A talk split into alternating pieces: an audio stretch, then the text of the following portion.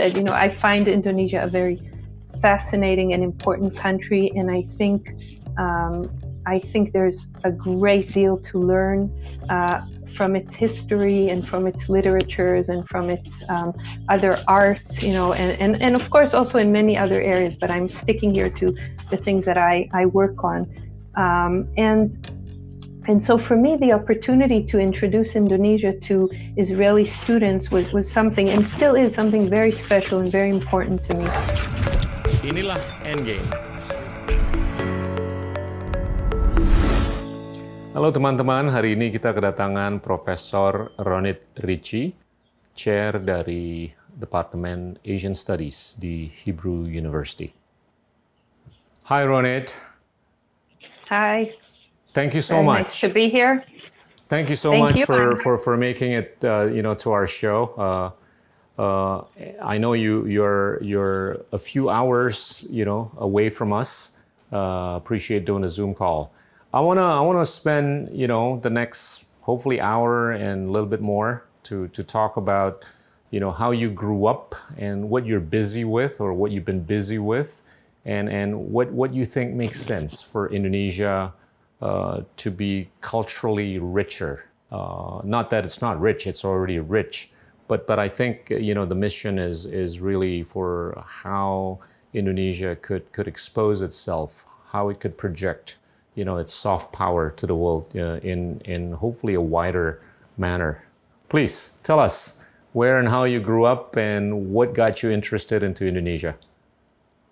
So, first of all, thank you very much for having me today.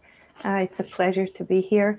Um, I grew up in Jerusalem. Um, I was born in the United States, but when I was very young, uh, my parents uh, moved to Israel. My mother returned. She, she grew up here, and my father immigrated uh, to Israel. Um, so I grew up here, and um, after finishing high school, I served in the Israeli army, which is uh, something that everyone here uh, does. And then uh, I went to the university um, and I studied uh, psychology and Indian languages and literatures. Wow. Um, and somehow um, I, I got very, very fascinated with India. I had also traveled there for, for about six months um, before going to university. Um, and so I continued. I also did a master's degree, and I was mostly interested in the literary uh, side of things. Um, while I was doing my MA, my, my professor here at the university uh, suggested to me that I consider doing a PhD on Indonesia.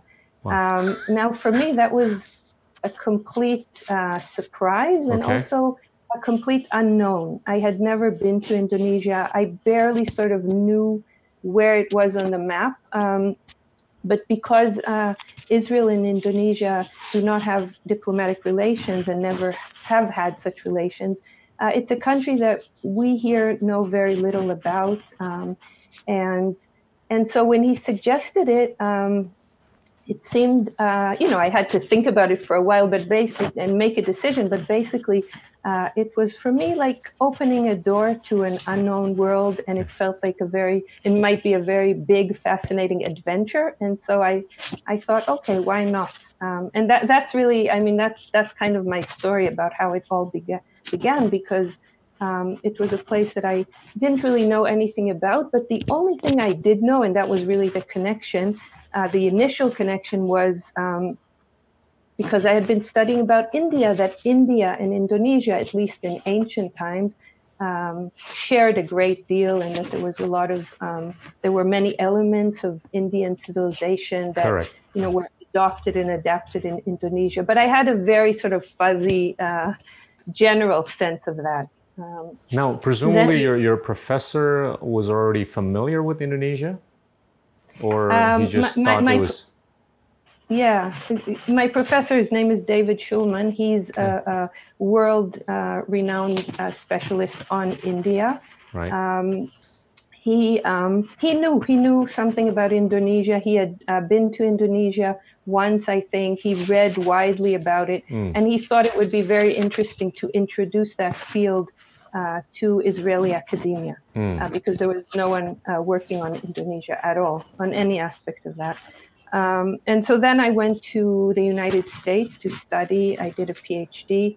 Um, during those years, I also uh, went to uh, Indonesia, spent a year in Yogyakarta, uh, and when I um, when I finished, when I completed the PhD, I um, then had a postdoctoral fellowship in Singapore. I spent two years in Singapore. Then I um, got a job at the Australian National University uh, in Canberra, and, and finally, after all of those years of being away, about 15 or 16 years uh, in total of being away from Israel, studying, traveling, uh, raising a family, you know, starting a family. And uh, after all of that, um, I was able to uh, return to Israel, which is something that I was hoping to do, but wasn't sure uh, would be possible. Um, and and really, one of the reasons that I was able to return here was that there was a job that opened up. Um, okay and I, I knew that I would be able to actually, um, you know, not not just um, have this knowledge that I gained along the way, but that I would be able to teach and to share it with others. Talk talk a little bit about what made you stay as long as one year in Yogyakarta, and and and did it did it change your predisposition, uh, you know, from earlier uh, times, or did it even reinforce certain things that you had thought about Indonesia? Yeah, well, uh, of course, it it, it changed uh, my perspective. It, it yeah. deepened, you know, my perspective. I um, I had been studying Bahasa Indonesia and also a little bit of Bahasa Jawa um, oh. in the United States, um, but of course, it's it's always better to study a language uh, in situ, you know, to be surrounded by other people who speak it, who speak it naturally, um, not like you speak to students in a classroom, which is, you know, you know, slower and uh, more correct and everything. Um, and um, and that that year in Jogja was very very important in all kinds of ways. So so just living, you know, day to day life uh, in an Indonesian city, um, and I, I, I, was there with, with my family and my children went to a local teka and uh, and that was also very important because we got to know, you know, we got to know neighbors, we got to know the parents of other children, we got to see how children, young children were raised, you know, and, and, and of course there are in different places, there are different ideas about what it means to be a parent, what it means to be a child. Um, uh, what, what, what kids do, um, what they don't do. Um, so that was also very interesting and very significant. I felt it allowed me, um, you know, not just an intellectual academic perspective, but uh, much wider um, view. Um, and in terms of what I was doing research wise, um, I was actually doing my dissertation research. Um, I don't know if this is the right time to to talk about it, but uh, basically, I was um, I, I decided for my uh, dissertation to study a particular textual tradition um, and in its many variations. Um, and the, the, the, basic story of this text is um, it talks about a meeting uh, in 7th century Arabia between the Prophet Muhammad and a Jewish leader by the name of Abdullah ibn Salman. Salam. Yeah. And, uh, and, Salam, and uh, Abdullah ibn Salam uh, comes to the prophet uh, right. with a thousand questions that he had prepared in advance, that he had thought about in advance. And uh, he approaches the prophet and he says that uh, he would like to ask him these a thousand questions. And if the prophet replies correctly, uh, then Ibn Salam, along with all of his people, because he's described as a rabbi or as the leader of the Jewish people at the time, they will all embrace Islam. Um, so this was this is the sort of the basic outline of the story, and the questions I wanted to ask uh, and use this textual tradition as a, as a window uh, were questions about the Islamization of Indonesia, of Java in particular, but not only Java.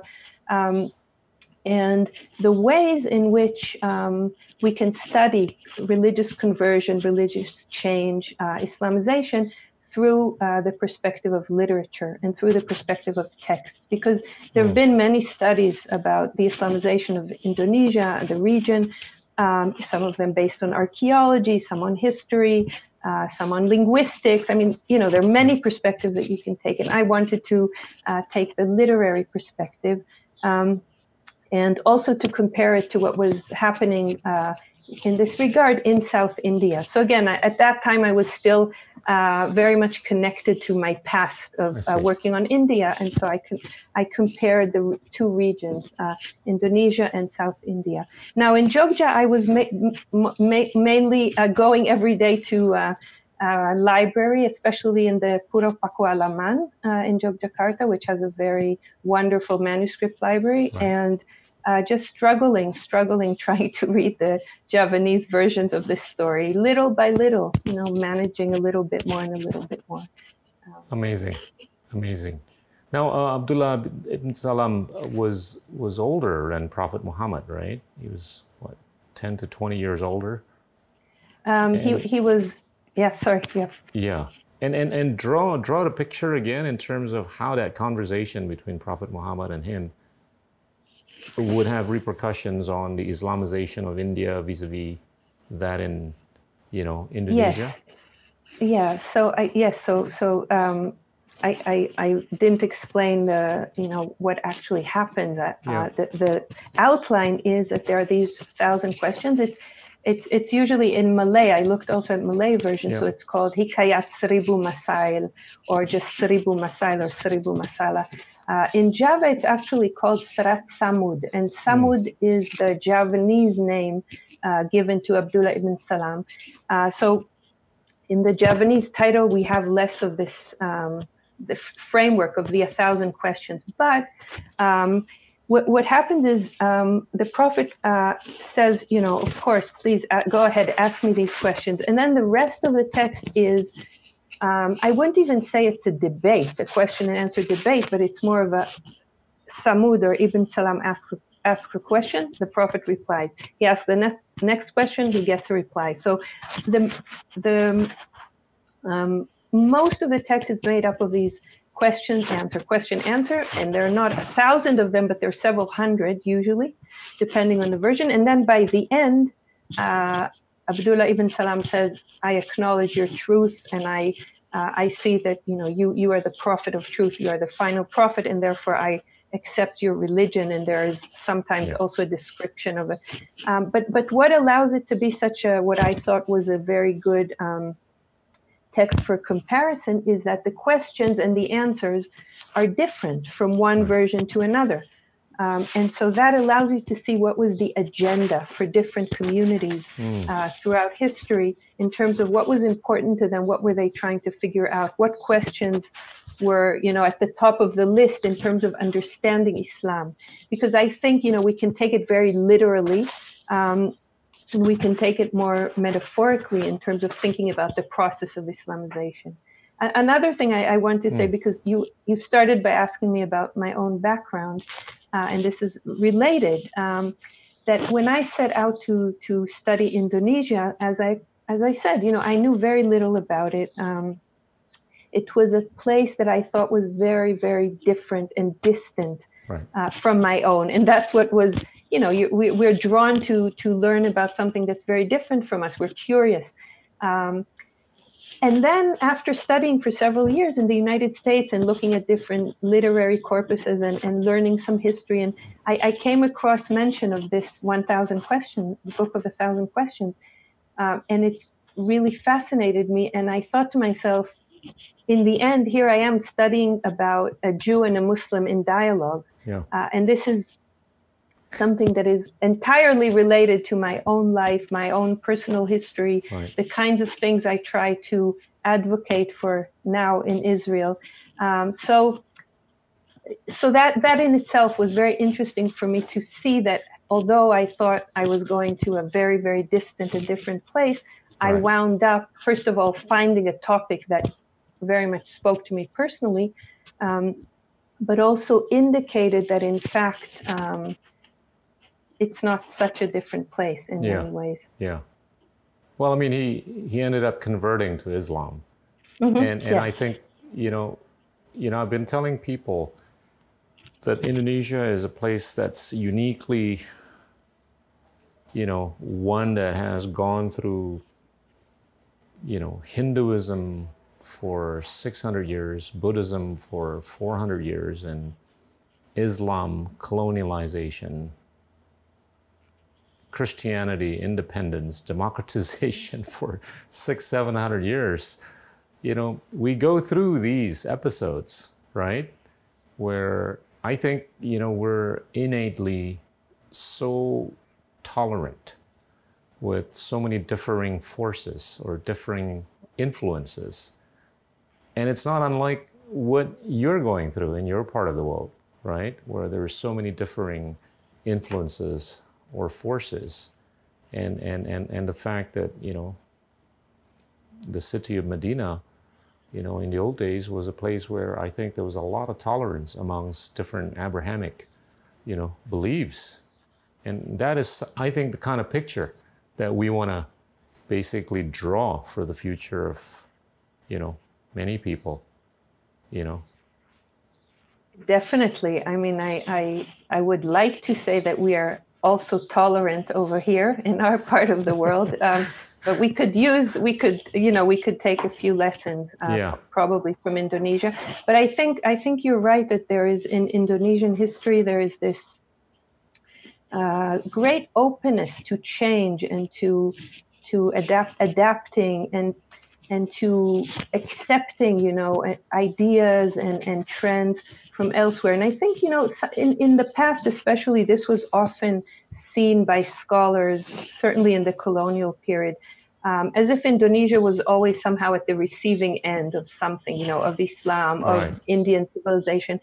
But I think that, and, and so that the Indonesian were just, were just um, accepting something from elsewhere as if they didn't have their own, you know, enough of their own culture or um, but but I, I I I think of it very differently. I think this kind of openness uh, is is a very positive thing, and it also allows for incredible creativity. Because again, I'm talking only about you know the the, the, the my small world of knowledge. I'm not. I can't say you know much about other things, but I don't want to generalize. But when you look at the textual traditions of Indonesia, when you look at the uh, what people did with texts that came from probably came initially from Arabia or from other places in the Muslim world or from India, um, the, the the level of, of, of creativity and, and originality that you see in the way these texts were rewritten and reshaped is is incredible. Um, so if you look at it superficially, you could say, "Oh, they just took this from over here and this from over there," but in fact, it's something very, very different. Fascinating. Well, I mean, it's it's probably a good time to pivot to, you know, the book that you wrote, you know, about, you know, Sarandib, Lanka, and Ceylon, which basically went through that experience as early as the 17th century, where Indonesia was actually projecting its influences, you know, onto some other island beyond. Uh, yes, well, I um, I spent uh, several years um, studying the history and the literature of a community that today is known as the, as the Sri Lanka Malays. Yeah. Um, and the, these people, um, this is a community that still is still uh, part of uh, Sri Lankan society today, uh, but it started out uh, in the late 17th century with um, people who were uh, exiled or sent in various capacities by the Dutch, who were then already ruling parts of Indonesia, uh, the VOC, the Dutch East India Company, um, sent them uh, to the island of Ceylon, today Sri Lanka, which uh, was also under Dutch control in part. Um, and this, this really is, this story is one part or one chapter uh, in the larger story of forced migration and banishment um, in the colonial period. Um, we know, I mean, this is this is I think more well known for Indonesians uh, study history. We know that there were uh, people exiled or sent away from various within Indonesia, within Right. what's now Indonesia, uh, like uh, Diponegoro or you know or other other or Sheikh Yusuf, Sheikh Yusuf of Makassar, who was also a, uh, an important figure. He was actually sent away to Ceylon. So, so the Dutch used um, exile um, as, a, as a punishment and also uh, to deter people from uh, doing things that uh, were uh, viewed as um, rebellious or anti-Dutch. Uh, but they also sent uh, away people who were criminals, who were convicts, as well as uh, servants, slaves, uh, soldiers who served, soldiers from across the archipelago who, uh, who, who, served in the Dutch colonial army. Um, so the, all of these types of people are the forefathers, were the forefathers of this community uh, that is known today as Malays. And so I read about I read about them. I first came across uh, mention of uh, this community in a footnote in a book that I was reading. Um, and I was very immediately very interested because I first of all because I had not heard about this subject yeah. and I thought how is it that I've been studying Indonesian history and I, I never heard about this um, well, I can assure you, a lot of Indonesians are probably even heard about this, you know. Yeah, yes, yes. So I think, I mean, that's also, in my opinion, an interesting yeah. question. Why was this left out? Yeah. Uh, why was this episode left out of the history books or, you know, maybe the more conventional history books that kids uh, study at school? I mean, the history books can't contain everything. History is much, right. much bigger than the, the you know the 200 pages or whatever that you have in the book but but still choices are made and and i think it, it is interesting to think in modern indonesia to think uh, about why the question of exile and banishment uh, was left out of the history books and we we might think especially in terms of the suharto period we might think um, of reasons uh, why this uh, this was not really discussed um, but um, the, the other thing that really sort of, I think, drew me to this topic, except for the curiosity, okay, I've never heard about it. So, um, so it's interesting. But, but I think also just the, the, the thought of people uh, in places like Java or Madura or Bali or Ambon or getting on, on a boat, being yeah you know, shipped away uh, in the 17th century or the 18th century. Most of them were sent away during the 18th century um, including very important people uh, from the central Javanese um, courts of, uh, especially Kartasura and Surakarta in, yep. in, the early 18th century. What was it like? What, what kind of experiences did people have at that time uh, being sent away, probably never to return? Um, some of them were able to return, some of them were returned after death and reburied in yeah. places like Java, but basically it was a one way ticket. Um, and I thought so. I thought the human element uh, of this story was uh, very, very interesting to to try to explore. Um, were were they able to assimilate with the pre-existing ethnicities in in Ceylon? Yeah. Um, yeah, that's a good question. Um, for sure, some of them did. Um, th- there's no doubt. Um, however, uh, one of the things that's really sort of interesting and, and I think also remarkable about these people is that despite you know the time that has uh, passed, we're talking about you know it's, 300 years, right. even even longer. They they have maintained uh, a, a, cultural and also religious identity that's that's very strong. Yeah. Uh, they they are a small uh, community. There are about 50,000 of them probably, you know, it's it's not the numbers are not really clear, but yeah. that that's the official figure. Um, uh, and and they still speak a, a form of Malay. It, it's now mostly a, a, language spoken at home, um, but but they still maintain the linguistic connection. Um, and and also at least into the 20th century, it's it's no longer really true now, but into the 20th century, they they continued to write uh, in the Malay language. And one of the things that struck me was that the materials that I was able to, to find um, during this research uh, were, were so similar, really, to what you find in other parts of the Malay world, the Indonesian Malay world. Um, so the, the, same stories, the same writing style, the same genres like shair or hikayat. Or, so um, although there is no doubt that many of them, you know, assimilated and married, you know, into other uh, groups, and and we don't really have a record of how many of those uh, there were, or, or or have, you know, sort of over time left the community. Um, they still um, managed to to remain a distinct community yeah. within uh, within Sri Lanka.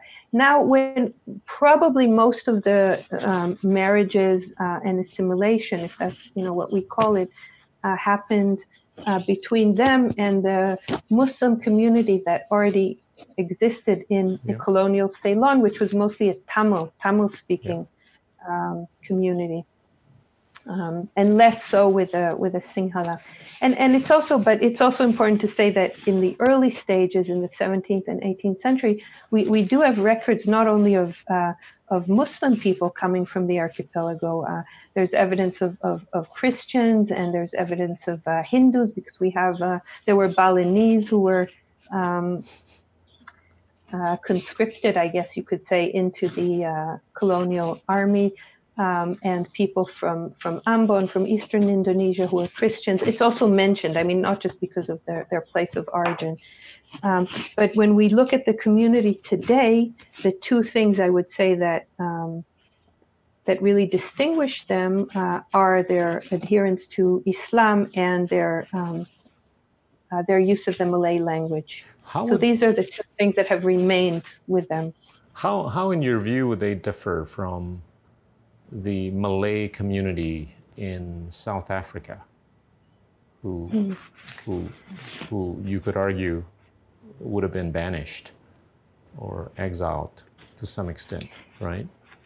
yes. Um, I, I, I know less about the community yeah. in South Africa, but I can I can say that um, it's it's true. There is a community that's today known as the Cape Malays yeah. Uh, in South Africa, especially in the area of uh, Cape Town. But there is also um, the aforementioned uh, Sheikh Yusuf of Makassar, yes. who was a very important Correct. religious leader, uh, but also very important um, sort of anti-Dutch uh, yeah. fighter. He he was sent first to Ceylon, where he spent ten years there, um, and he's also he was one of the people who arrived there uh, very early in um, in the uh, 1680s. And after ten years, um, the Dutch were still worried about him, even though he was a very old man by then, especially by the standards of the late 17th century. Uh, he was very old, and he was he had already been in exile for um, for 10 years, for a decade. Still, they felt that he, his connections, his networks were too strong, too threatening, and then he was shipped further afield to the Cape. Um, and so there is still a place today where um, uh, where he is buried. I mean, he has several burial sites, but one of them is in South Africa, and that place is called Makassar. Uh, for his place of origin, so so there is this community, um, but the the, the so-called Malays in South Africa, they uh, were a much more mixed, even at the beginning, right. but certainly today, a much more mixed population. Um, and many of them uh, were sent to South Africa as slaves. There were many slaves from across Indonesia and also from Sri Lanka and India sent uh, to South Africa.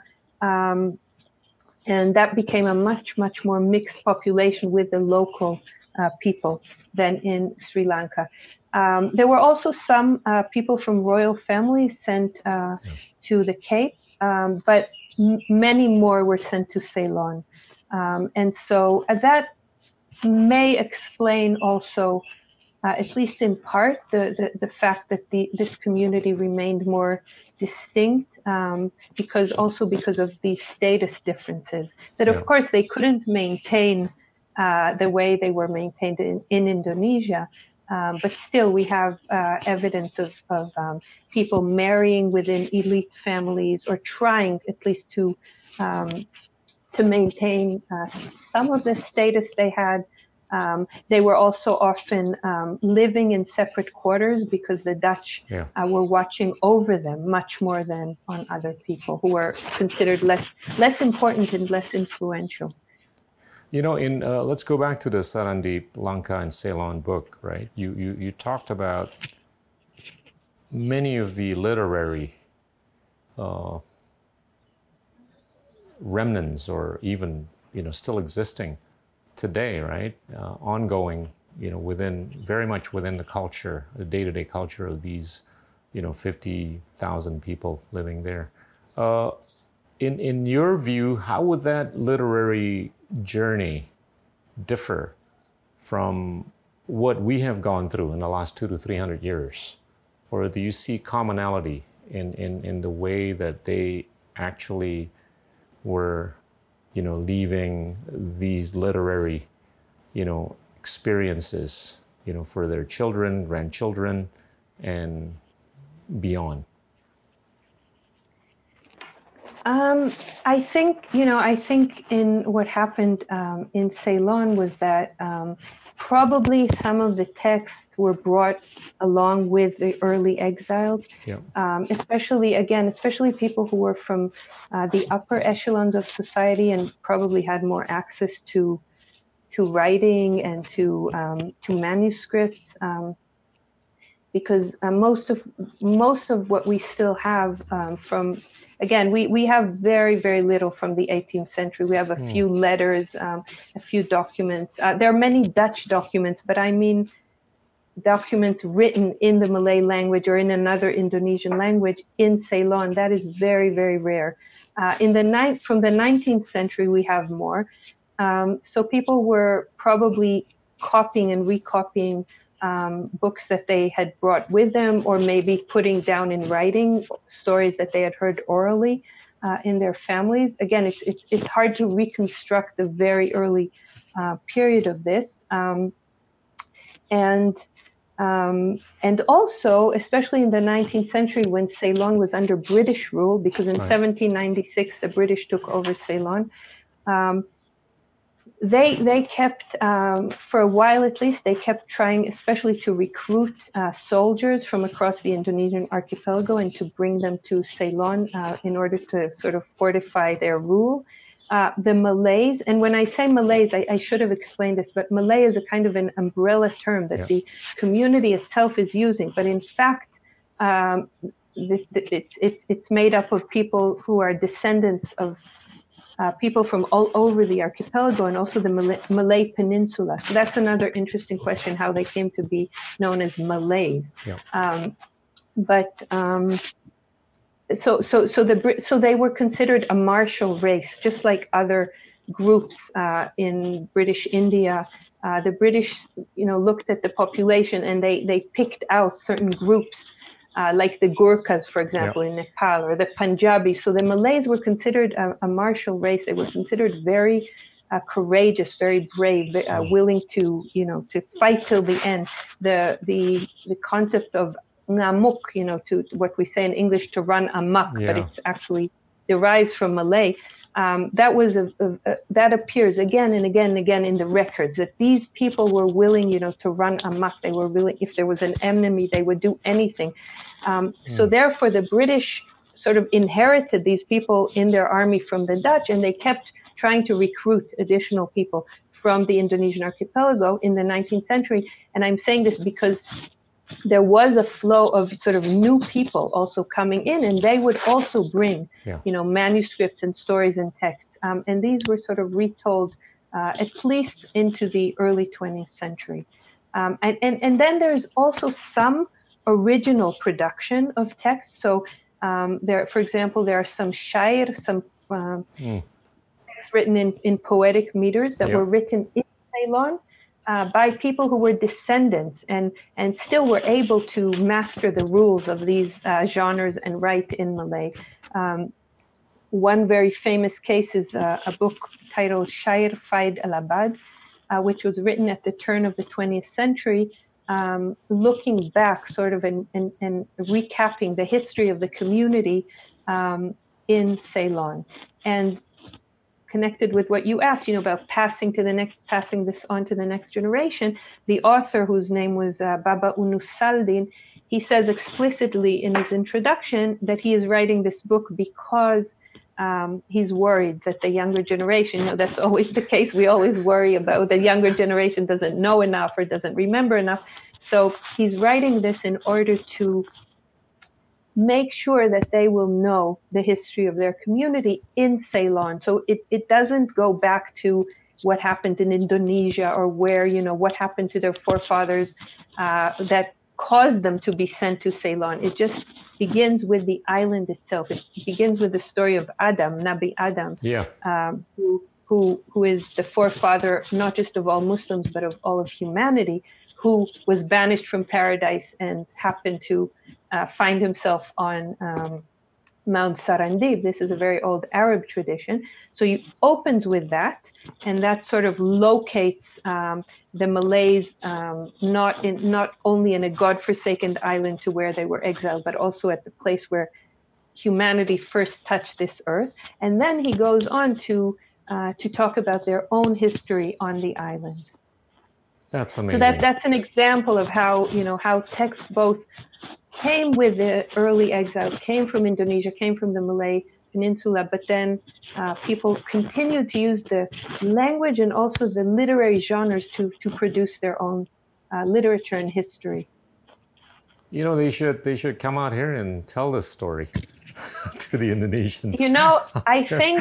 I, I, I, think I think they I think they would love to. I mean, I think um, you know that that t- touches on other questions. You know, more political questions of of, of the present. Right? We right. have the history, a long history, and then we have the present. What's happening in the present? And uh, and in fact, you know, Malaysia has been much I don't know if to say much better, but you know, and you know, I mean, I don't, but Malaysia has been much more sort of yeah has acknowledged them a lot more. Yeah, they've been uh, more proactive. They've been more proactive, and they've yeah. been more, uh, in, in, not just in acknowledgement, but also in funding. So, yeah. um, so there are like annual uh, Hari Bahasa Melayu, I think right. it's called, where right. they where, where where they encourage yeah. the children to write essays in Malay or poems, and there's a competition, yeah. and and various things like that, which are really yeah. uh, supported uh, also financially by the Embassy of Malaysia.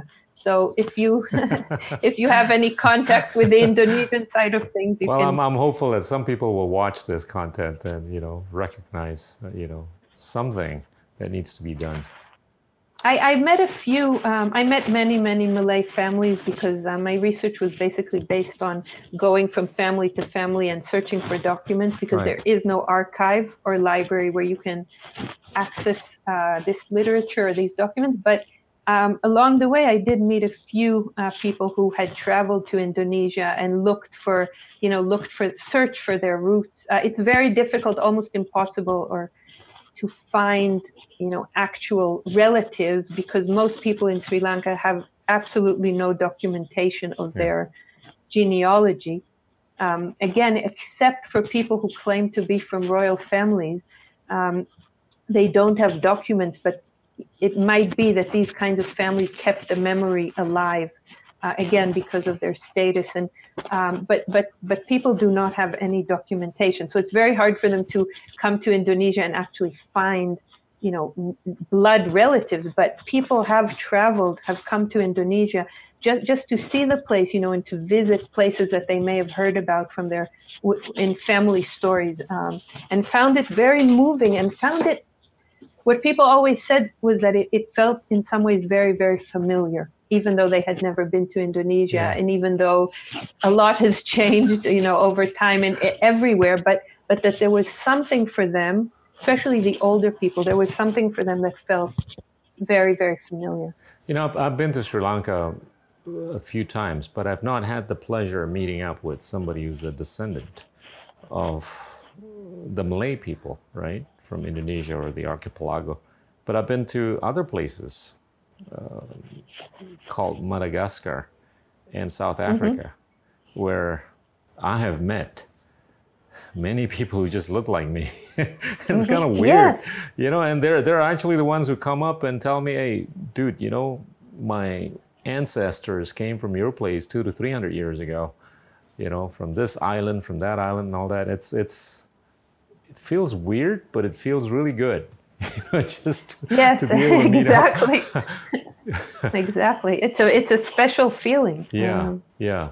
Yeah, and the looks, you're right. I mean, to me also, I mean, not all the people, because of course they, are very mixed by now, but here and there, I, I, I met someone who, yeah, who looked completely Indonesian or Javanese or, um, and and maybe maybe I can mention uh, one more thing really about the Javanese because that's also my sort of you know, we're talking about Indonesia, but uh, of course, people who study Indonesia will usually study, you know, or at least emphasize one part of Indonesia more than another because it's a huge country and so diverse yeah. in so many ways, and it's hard to, you know, um, encompass everything. So, so for me, it's Java, and um, and one of the questions that really interested me was where, why, why is everything that we find in Malay? Um, again, we, we, can't find a lot. Mo- most of the documents and manuscripts have been lost. Uh, you know, the climate and people not really, right. you know, losing them or not passing them on. And so we, we have a small archive uh, of texts, but um, why is it all in Malay? If people came from all over the archipelago, what happened to the other languages? Um, and certainly, if we're thinking about people like from the, you know, Kraton in in Solo, or I mean, they must have, you know, they must have known Javanese, and people came from Bali, knew Bahasa Bali, sure. etc. So, um, so, so here and there, very, very rarely, I, I, I did find a few, um, a few things uh, written, very small, very small sections of text written in Bahasa Jawa, and um, I think including a poem um, that may be familiar to some of the of the you know some some people in the audience. It's called Kidung Rumekso ing Wengi, um, the the song "Guarding in the Night," wow. and it's it's still very. it's it's a it's a poem that's attributed to Sunan Kalijogo, you know, one of the yes. uh, leaders of the Wali Songo, uh, yeah. Wali Songo the mm. nine Walis who who are said to have brought Islam to Java. Um, so it's a poem uh, that, that offers protection. Um, uh, and that, that it, like I said, the song "Guarding in the Night." So it's it's it's a poem that's supposed to offer protection from many things, from fire, from flood, from jinn, you know, from the danger of, various beings that um, that lurk out there in the darkness. Um, so I thought it was very interesting to find that particular poem uh, among the writings of people who were themselves in exile in, in a kind of a dark place or dark period um, of their of their own you know of their own life. Um, but it also indicates to us that um, there is room for much much more research. My, my research was you know in, in, in i mean I, I worked very hard at, at it and it took me a long time but it's still in some ways very preliminary um, and and there is I, I mean for for in, especially for Indonesian students you know who, who may be looking for something to to think about or to research further. So I mean the fact that we can find here and there a Javanese poem and maybe you know um, writings in other languages um, that that that indicates that there's still a lot to uncover about this history I think. Amazing. I'm just curious. You you spent your your your your whole day at your university talking about you know Indonesia and of course India to some extent but how how would the students react to what you have to say about all this uh, I, I, hope I'm not boring them does to death. Does it, does it evoke even more curiosity? It, this this will take us, I think, to, to the next point that I want to bring up in terms of how we can actually become closer, right? And and I think there's there's a lot to be done uh, in in order to try to get you know the two places to understand better and and, and more closely. But yes, but how, thank, just, you just very explain much. the reaction of your yeah. students. yeah, no, these, thank, these are thank students who are forced for... to take an, uh, you know, an elective with you, or these are actually students who sign up who want to, you know, actually try to get a better understanding of what's happening in this part of the world. Yeah, th- thank you for asking me that because it's really something I, I do want to to mention. Yeah. So, um, I, I, I mentioned that when I when I was able to come back to Israel after a long time of of, of living away, um, one one of my sort of main incentives was that I knew that I would be able to uh, start developing this field of Indonesian studies in Israel, which it, it, it doesn't, mm. it, it didn't really exist. And, and still we are, I'm at the Hebrew University of Jerusalem. We are the only university in the country that offers such a program and that offers Bahasa Indonesia for the students and, and various courses um, on Indonesia. Um, and to me, that was a challenge that I really wanted to embrace. Um, and that is because uh, you can see from everything I've said, you know, I find Indonesia a very fascinating and important country, and I think um, I think there's a great deal to learn uh, from its history and from its literatures and from its um, other arts, you know, and, and, and of course also in many other areas. But I'm sticking here to the things that I, I work on. Um, and and so for me, the opportunity to introduce Indonesia to Israeli students was, was something, and still is something very special and very important to me. Um, in part, again, because it's a country that uh, we don't have diplomatic relations with, and so people here know relatively little about it. Here and there, I mean, there are people who've gone to Indonesia and, and traveled and, and uh, or read about it, but in general, compared to other countries of the world and, and compared to other countries in Asia, which people here know a great deal about or are very interested in, like China or Japan or India, um, Indonesia is sort of sidelined. Um, and so I wanted to change that as, as, as much as I could. Um, and the another another sort of aspect of this, another dimension, is the fact that um, because of the history of, of, Islamization, because Indonesia has a very large Muslim population, the country with the largest Muslim population in the world, really. Um, I think you know the historical and, and, and cultural and religious and linguistic connections between Indonesia and the Middle East go back hundreds of years and they continue today. And Israel is located in this part of the world. Um, and so I think that's another um, element that's very important for Israeli students to understand and to think about. Um, and, um, you know, for all kinds of reasons, uh, the students here and, and people in general, you know, are very used to thinking about um, Islam and Arabness as one and the same. Um, and again, this is sort of to be expected, but I think it's very, very important to to expand their minds also on that and to for them to understand that Islam is a global civilization right. um, and that the majority uh, of Muslims, in fact, today, 80% of them live outside of the Middle East. It, it, doesn't mean that the Middle East is not crucially important, but it means that there's a lot out there that they should know about.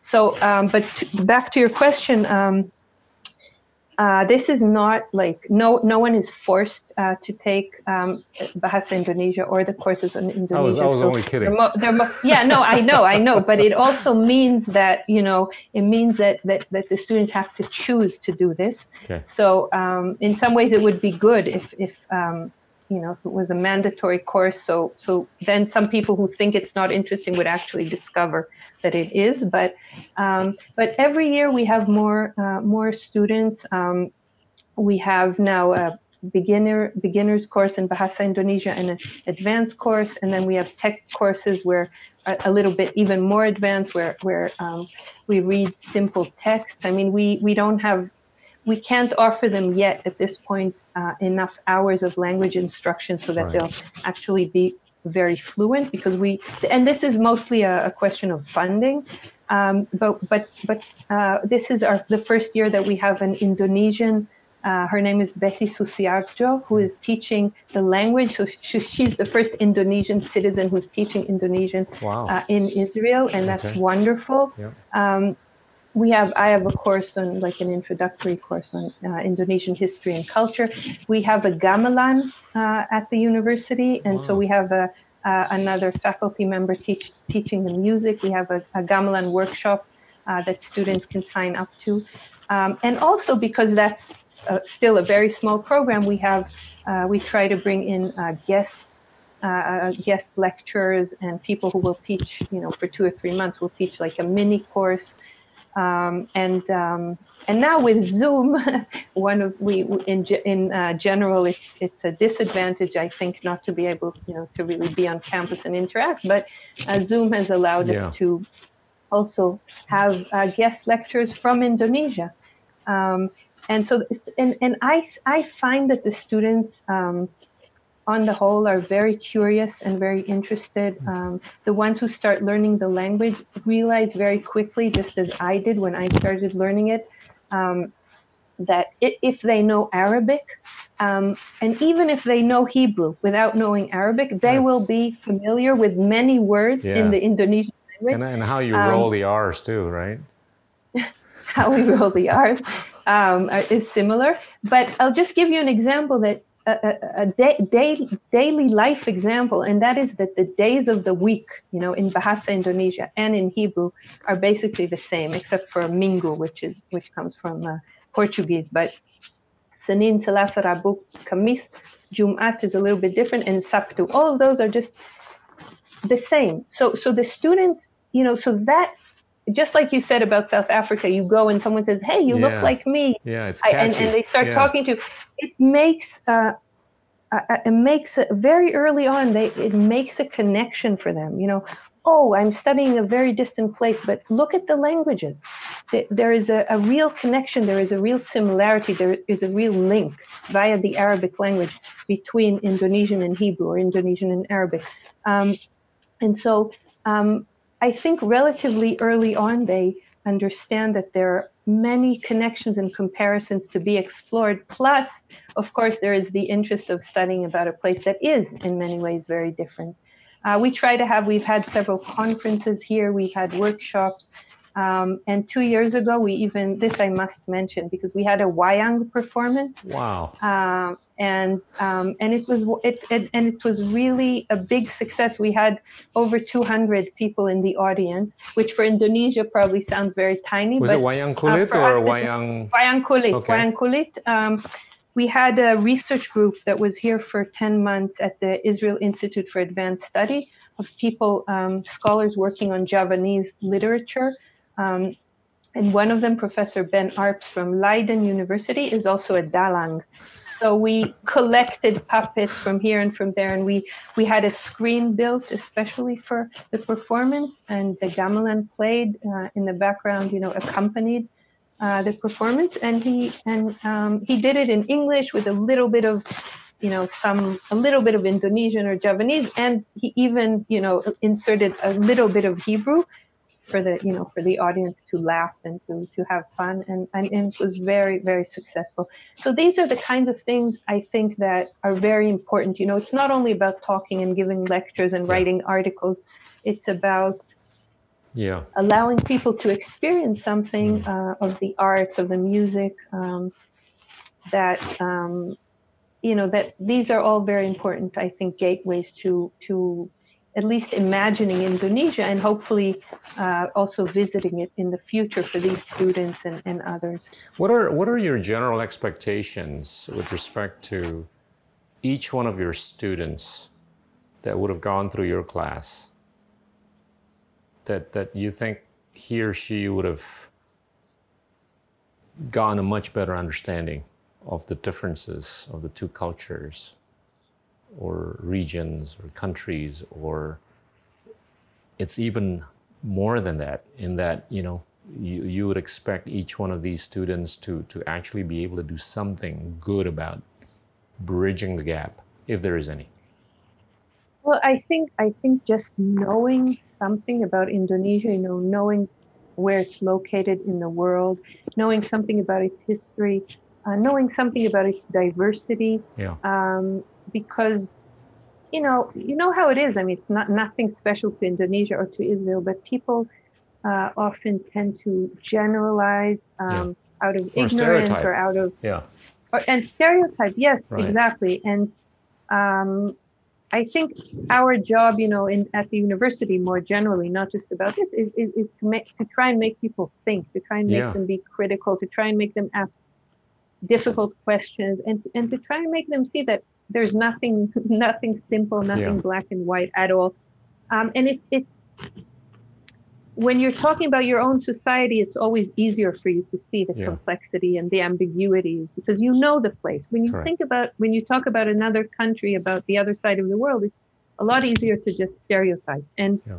um, and so I, I try to work against that. But I think one of the ways which I think is good to, uh, in terms of trying to learn about a different society, is also to see the commonalities and the similarities. Yeah. Again, not in a superficial way, but to see, okay, there are some things that are similar or may seem similar on the surface, but let's see if they really are similar. So, um, in terms, ju- just to mention very briefly, in terms of Israel and Indonesia, that seem like completely different countries, and you know, and and and of course, in terms of size and complexity, they they are very very different. But I think there are also some um, underlying similarities. For example, I always think that someone should study the, someone should compare Bahasa Indonesia and Hebrew, modern Hebrew.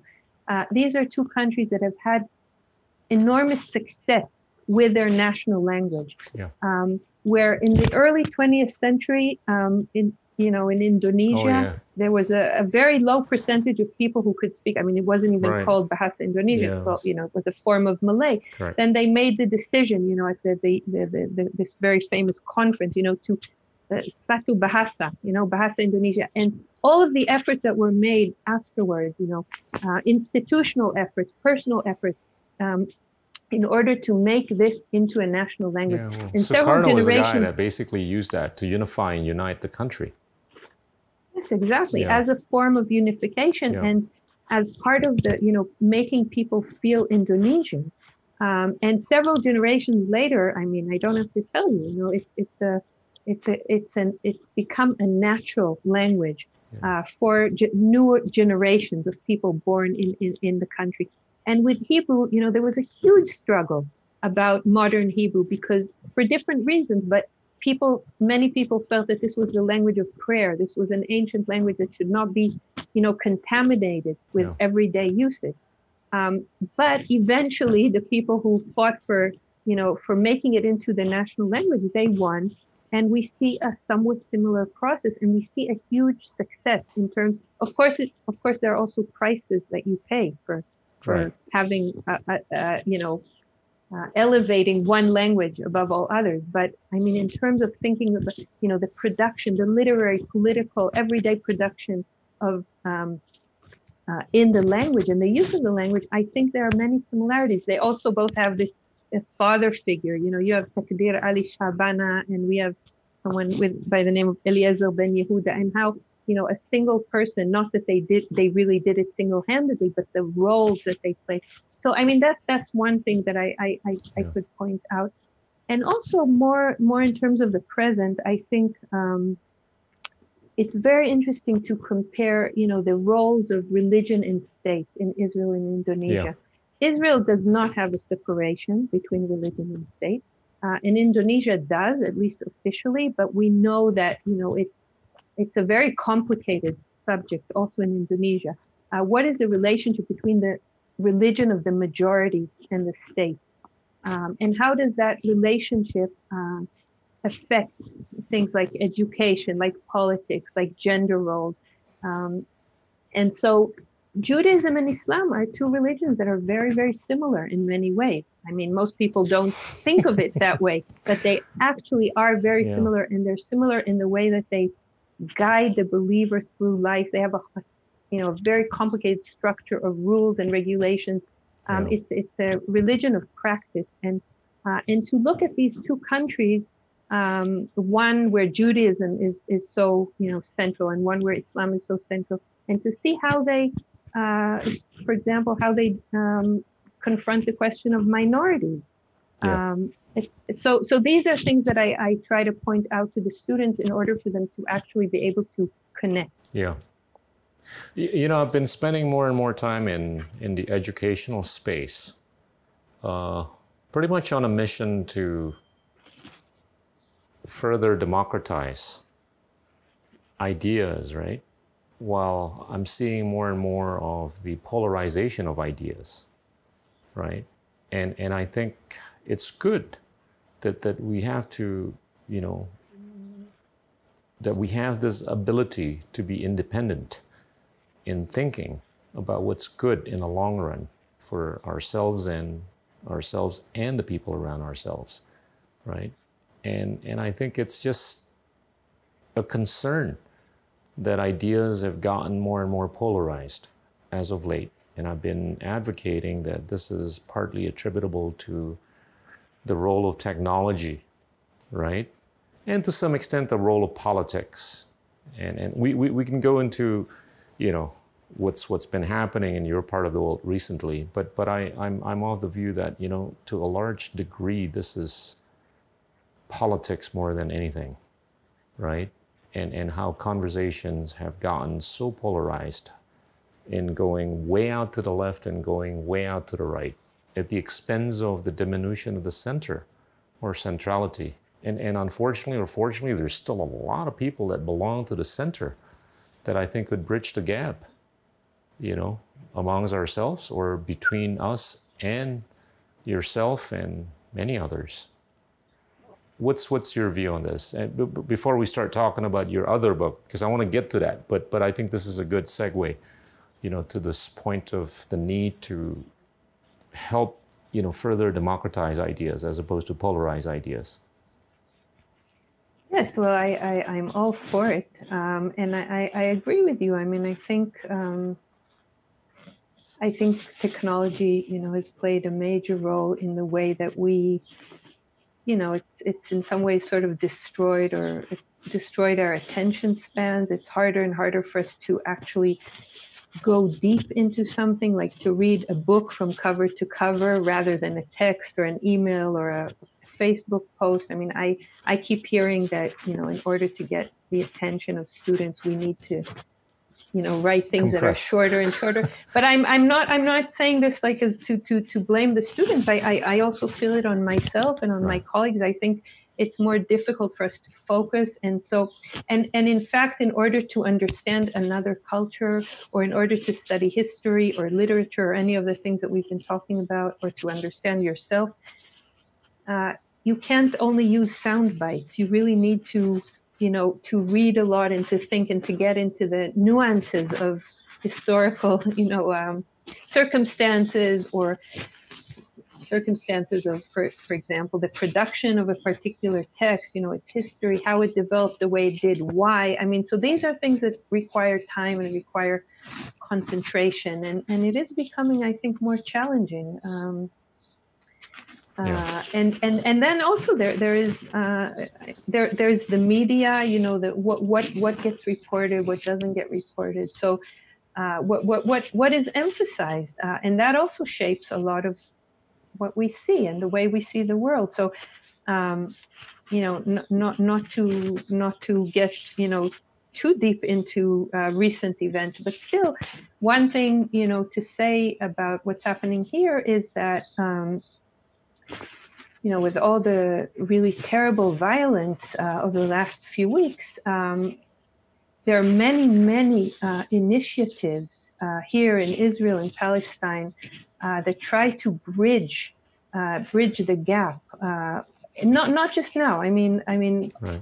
all the time. I mean, in recent years, there are many initiatives in in the fields of education, of, of sustainability, of interfaith initiatives all kinds of things academics mm. academia things that are happening between um, israelis and palestinians between jews and arabs between neighbors who live in a you know mixed city and mm. and and are horrified by the you know the eruption of, of violence um, the, these things barely get any coverage they're very very significant they're actually extremely significant in the personal sense but also for the communities right. and for the country um, you rarely hear about them even here not to mention you know outside um, so all of these things you know are, um, are, are i think very significant in how we um, you know how, how polarized or not polarized we, we we are yeah well let's let's pray that you know we we get to be more and more open-minded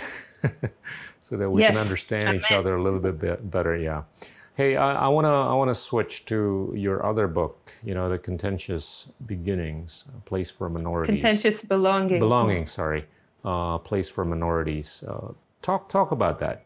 I think it's it's important for us to to hear your views about.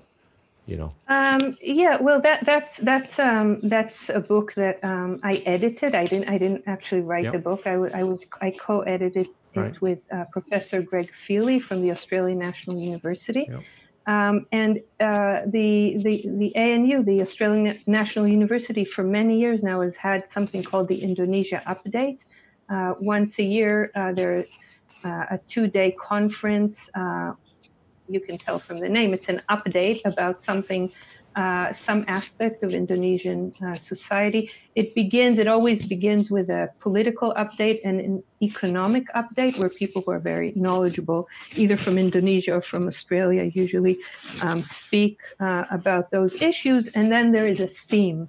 Um, to, to the to the conference and so we, we did this together a few years ago and we um, we thought it would be interesting to um, to think more about the question of minorities uh, in Indonesia, um, different kinds of minorities, uh, be it religious minorities, uh, um, mi- minorities in terms of um, LGBT, in terms of um, uh, people with disabilities, uh, ethnic minorities. Uh, and so we invited um, a group of scholars, you know, who, who work on these issues anyway, to present their work. And that was um, later collected into this volume. Um, and and I think um, you know I, I, I, hope this is um, I, I, hope this for all of the books, but but this is one that I really hope um, people in Indonesia will have access to. Um, we we we we had some conversations about uh, having it translated into Indonesian, uh, but that didn't materialize. I'm I'm I'm not quite sure why. I don't know if um, if the topic was seen as maybe a little bit uh, sensitive um, or whether there were other considerations but um, but but the bottom line is we we still haven't been able to to get it translated and so it's it's not very widely uh, widely read. What's what's your view about how Indonesia has and is and will likely treat minorities Look, it, it's not it's not really you know it's not something that I personally do research on. So yeah. um, I, I I think you know again I think that um, Indonesia is a very, very complex place um, and made up of so many different groups, you know, religious yeah. groups, ethnic groups, linguistic groups. It's very, very, it's a very fraught topic. It's very complicated. I mean, we all have our views, you know, about how, yes, of course, minorities should be treated fairly and they should have the same opportunities and this should be part of the you know um, represented in the legal system. At the same time, we know there are many, many challenges in reality. Yeah. Um, and so um, I think, and, and if you look at the book, you, you, you see that it's a very mixed picture. Yeah. There are some uh, cases that are, you know, represent real success stories. And in other ways, there are many challenges that still, you know, have to be overcome. And, and um, and that's that's why I said earlier that this is also something that really speaks to me because I look at you know my own surroundings and I think um, I think here too we have a long way to go yeah. um, until the minority, especially of course uh, the Arab Palestinian minority within Israel, which, which makes up 20% of the population, yeah. and it's not a not small. small minority, mm. feels you know feels equal, feels that it has the same rights and the same opportunities as the Jewish majority. Um, so um, I'm, I'm sort of very aware of the, you know, of the uh, challenges and also of the of the gap, you know, that remains uh, in in most countries, I would say, uh, between yeah. what we would like to see and what what we actually have and we have to keep working on it exactly as you said keep striving and, and working hard uh, it's one of the most important things i think that you know to reach a point where all citizens of a country right. uh, feel like they have um, equal sure. opportunity sure I've, I've, I've, been quite vocal about this uh, you know the fact mm-hmm. that inequality in many parts of the world has gone up and and i think it's important to usher you know the equalization of opportunities as opposed to outcomes more than ever. Uh, and, and I think it applies to yourself, ourselves here, and many other places uh, around the world. Let's, let's talk about the future, Ronit. I, I want to I wanna, I wanna get you to draw the picture for where you think Indonesia is likely to go in the next five to 10 years and all the way to 2045. Tell us. and and uh, well, uh, you can I, put that in the context of how you know your country and my part of the world could connect a little bit better. Because you know we all belong to you know the abrahamic beliefs right? We've all descended from the same person. And and and i think it's it's uh, it's upon us to be understanding of the differences and to be understanding of the means and ways to address the differences so that we can coexist, you know, in, in a really cool way. Yes. Um, well, first of all, you know, for the next few years, I, I, I, very much hope for Indonesia that um, the pandemic can be overcome. I mean, this is this seems to be the number one thing right now. Um, uh, for people to remain healthy and safe, you know, and not not not to not to face illness and, and the hardship that comes with that to individuals and to families and and to the country as a whole. Uh, I'm very very much looking forward to the skies reopening above Indonesia because I, I I miss it very much, and for me to be away for long period is is is difficult, and I, I'm certainly not the only one. You know, I know there are many many people uh, looking forward to coming back and visiting and working and studying, and um, and this is something that I also hope for my students that that they are able to do. Um, and um, and and yeah, and for the future, I hope it um, you know continues to be the amazing place that it is. That it can cultivate the tolerance uh, towards minorities, and that it remains you know peaceful um, and successful. And from again from my sort of my corner of the world, I I, I do hope that the day comes when uh, Indonesia and Israel can have open relations, can have diplomatic relations I understand the complexity. I understand the, you know, the the sort of the obstacles to that at the moment. Um, I hope very much that Israel, from its side, um, you know, can, can do what needs to be done to to reach political solutions to the problems that we have here, uh, to the very complex. Uh, uh, situation that really, I mean, we've seen again and again uh, that violence and war is not a solution. It doesn't lead us anywhere. It all, always brings us back totally. uh, to the yeah. same place, uh, or and then we're usually worse off than we were. Uh, it's not even the same place. It, it's a worse place than you know we were before, and before that, and before that. So, so I think it's very clear that's not a solution to anything. And and I hope very much that we can find ways to uh, reach political solutions with our neighbors, and that that will uh, hopefully also, I think that will also uh, open the way to relations with Indonesia. Uh, and I think the two countries have a lot to gain from such a relationship. Oh, yeah. Uh, we have a lot to learn from each other um, and a lot to share. Uh, but until that happens, um, I, I hope that we can continue building bridges, uh, academic bridges, bridges of research, of studying, and, and, and bridges of, of friendship, um, even you know without waiting for the politicians. I mean, this kind of conversation that we're having, or this kind of an interview, and uh, and, and, and various other initiatives. Um, I've invited, you know, Indonesian scholars uh, to come to conferences that I organize. That, um, I mean, these these are the kinds of things that we can do um, right uh, on really more or less on our own without waiting sort of for the major political changes to happen and, and i think it does matter and it, it it's it's our way of uh, of moving forward it's it's one of the many little steps that we can take right and and if if there's one big point that you know we've been making about ourselves is really to move up the ladder in terms of our educational attainment right? And you have so much to offer, right? Uh, and and not to mention the technological, you know, advancements that we could learn from. Uh, and yes, we are, you know, the fourth largest country in the world, the third largest democracy in the world, the largest Muslim country in the world. But I think we recognize where we may need some further, you know, enhancements. And and I I, I agree with you you know, we, we do see each other as being able to fulfill each other, you know, in so many dimensions. Uh, I, I understand your kids are fans of our instant noodles. yeah. do you do you, do you cook uh, Indonesian food?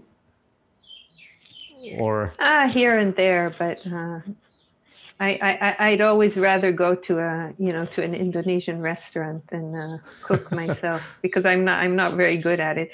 Um, there, there, we don't have an Indonesian uh, restaurant per se, sort of uh, here, but we, we, because there are many many uh, pilgrims, Indonesian pilgrims who come here uh, every year, you know, as tourists on these package tours um, about 40,000 per year uh, pre-COVID. That's a lot. That's um, a lot of instant noodles. It's a lot. It, it, no, so there there are there are a few places that that cater um, that cater to the Indonesian tourists or pilgrims. Okay. Uh, where you can here and there you can get something good. Um, but the noodles, the the the Indomie uh, or something. I didn't want to mention to the that, brand, uh, but that's okay. Oh, okay, okay. all right. okay, sorry. Um, advertising them in Israel. Um, the instant noodles, uh, you know, you, you can find them here. Um, sure, so, they're everywhere. Yeah, so, you know, some, some countries yeah. in Africa, I think they, they consume more of that than, you know, their original staple, you know. But but but uh, just a few years ago, um, I, I came across a, a, a, very nice man who, who actually makes tempeh at home.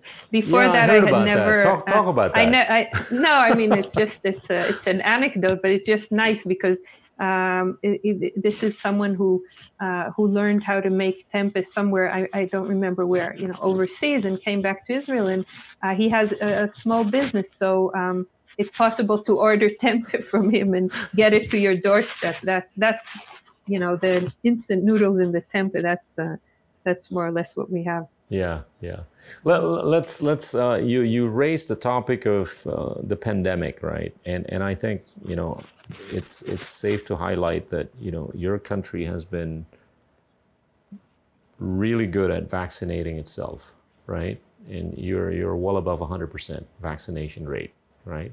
No, no, not not there yet. Above maybe herd immunity at least. I, yes, yeah. yeah. I think 50 something percent, maybe 60 percent, something. Okay, like that, that's I close think. to herd immunity.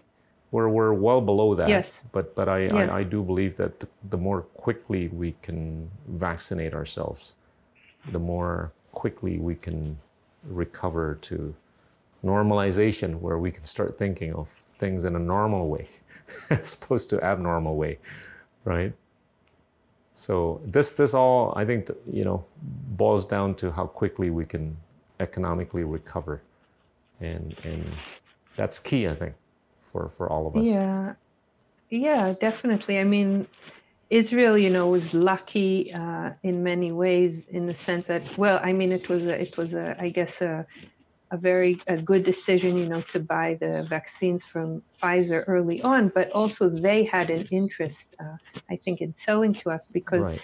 Israel is a very small country and it's it's it's really like a laboratory for the yeah you know pharmaceutical companies in this respect because it's a very small country very small population uh, it has one major international airport and all the other borders around us are you know either closed permanently like with lebanon or syria or closed temporarily with jordan and egypt so it's a closed space basically you you you have very little mobility of people in and out so you can actually track what's happening uh, with the virus um, Plus, we have a very good system of clinics. So there's a very good infrastructure from the days when Israel was still a socialist country. So that's one of the things that remain. We we have universal health uh, care, and everyone has health insurance. And so through these clinics, and and because of the fact that everyone is you know connected to one of them and has insurance and doesn't have to worry in that respect, right. uh, people could could be vaccinated relatively very quickly and, and in a very orderly manner.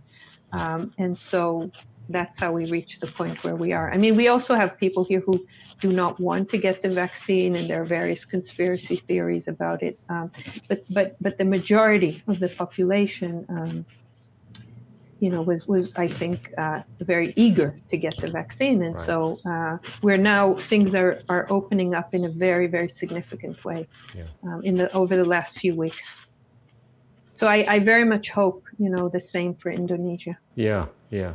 Any any final messages, Ronit, for us here? Final words. Um, um, Look, I mean, I, I, what, I, what I get from this is that you know you you you played a very big part in understanding, uh, you know, and peeling the onion so much on, on our culture and our linkage with other countries from a cultural standpoint. And I'm a big believer of the fact that culture has been a big part of Indonesia and it's going to be a big part of Indonesia, particularly in its, you know, desires to project, you know, itself to the rest of the world in a good way as opposed to bad way. Yes, I, I mean, I, I agree um, that Indonesia has you know a great deal to offer again in many fields but if, if i'm focusing on on my field of right. research and teaching uh, which is which is literature and culture and languages. It, it has so much to offer. Um, and you know i remember the time when we first we, we, we, we took out the gamelan instruments and we put them sort of in a central place in the university. And, and we had like a little performance just maybe 20 minutes or half an hour in between classes. Uh, and people just kept walking by you know and they, they were just amazed because first of all they'd never seen you know a gamelan before but also they they were listening to the music and they were like wow this is you know it's so different it's so beautiful. You know some people of course not everyone likes gamelan music but i mean in general like this just just just this opening up you know of this thing even exists. And and some people thought wow this is beautiful it's mesmerizing. Other people just wanted to know where is this from? What is you know so i mean i think uh, there and this is just one example i think yeah. there's so many ways in which um, you know, uh, so many things that uh, we have to learn from Indonesia. And I, I guess, you know, as a final final word, first of all, I want to thank you very much for this opportunity. Thank you. Um, and and I want to, yeah, I, I, just, you know, if people are watching this and and and they're interested, you know, in knowing more about our program or they have ideas for collaboration. Um, uh, and building bridges, then um, I, I, would be very, uh, very happy to hear about those. Okay. We'll do that. Thank you so much, Ronit. Thank you. Bye. Teman-teman, itulah Profesor Ronit Ricci dari Hebrew University. Terima kasih.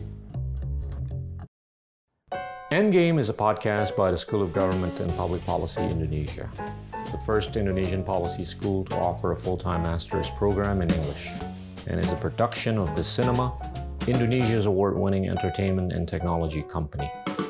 Oni Jamhari and Angga Dwi Sasongko are our executive producers. Ahmad Zaki Habibi and Jimmy Kuntoro are our supervising producers. Hana Humaira and Farah Abida are producers. Bobby Zarkasi is our director. Aditya Dema Pratama is our director of photography. Video editing by Felicia Wiradian. Alvin Pradana Susanto is our sound engineer. Ratri Pratiwi and Fiera Rahmawati are research assistants. Aulia Septiadi and Ferdizal Optama are our graphic designers. Transcriptions and translations by Isfi Afiani. The song you're hearing is by Niall Juliarso, Ferdinand Chandra, and Philippus Cahyadi, mixed and produced by Gibran Wiryawan. The production of this episode adheres closely to the local authorities' health and safety protocols.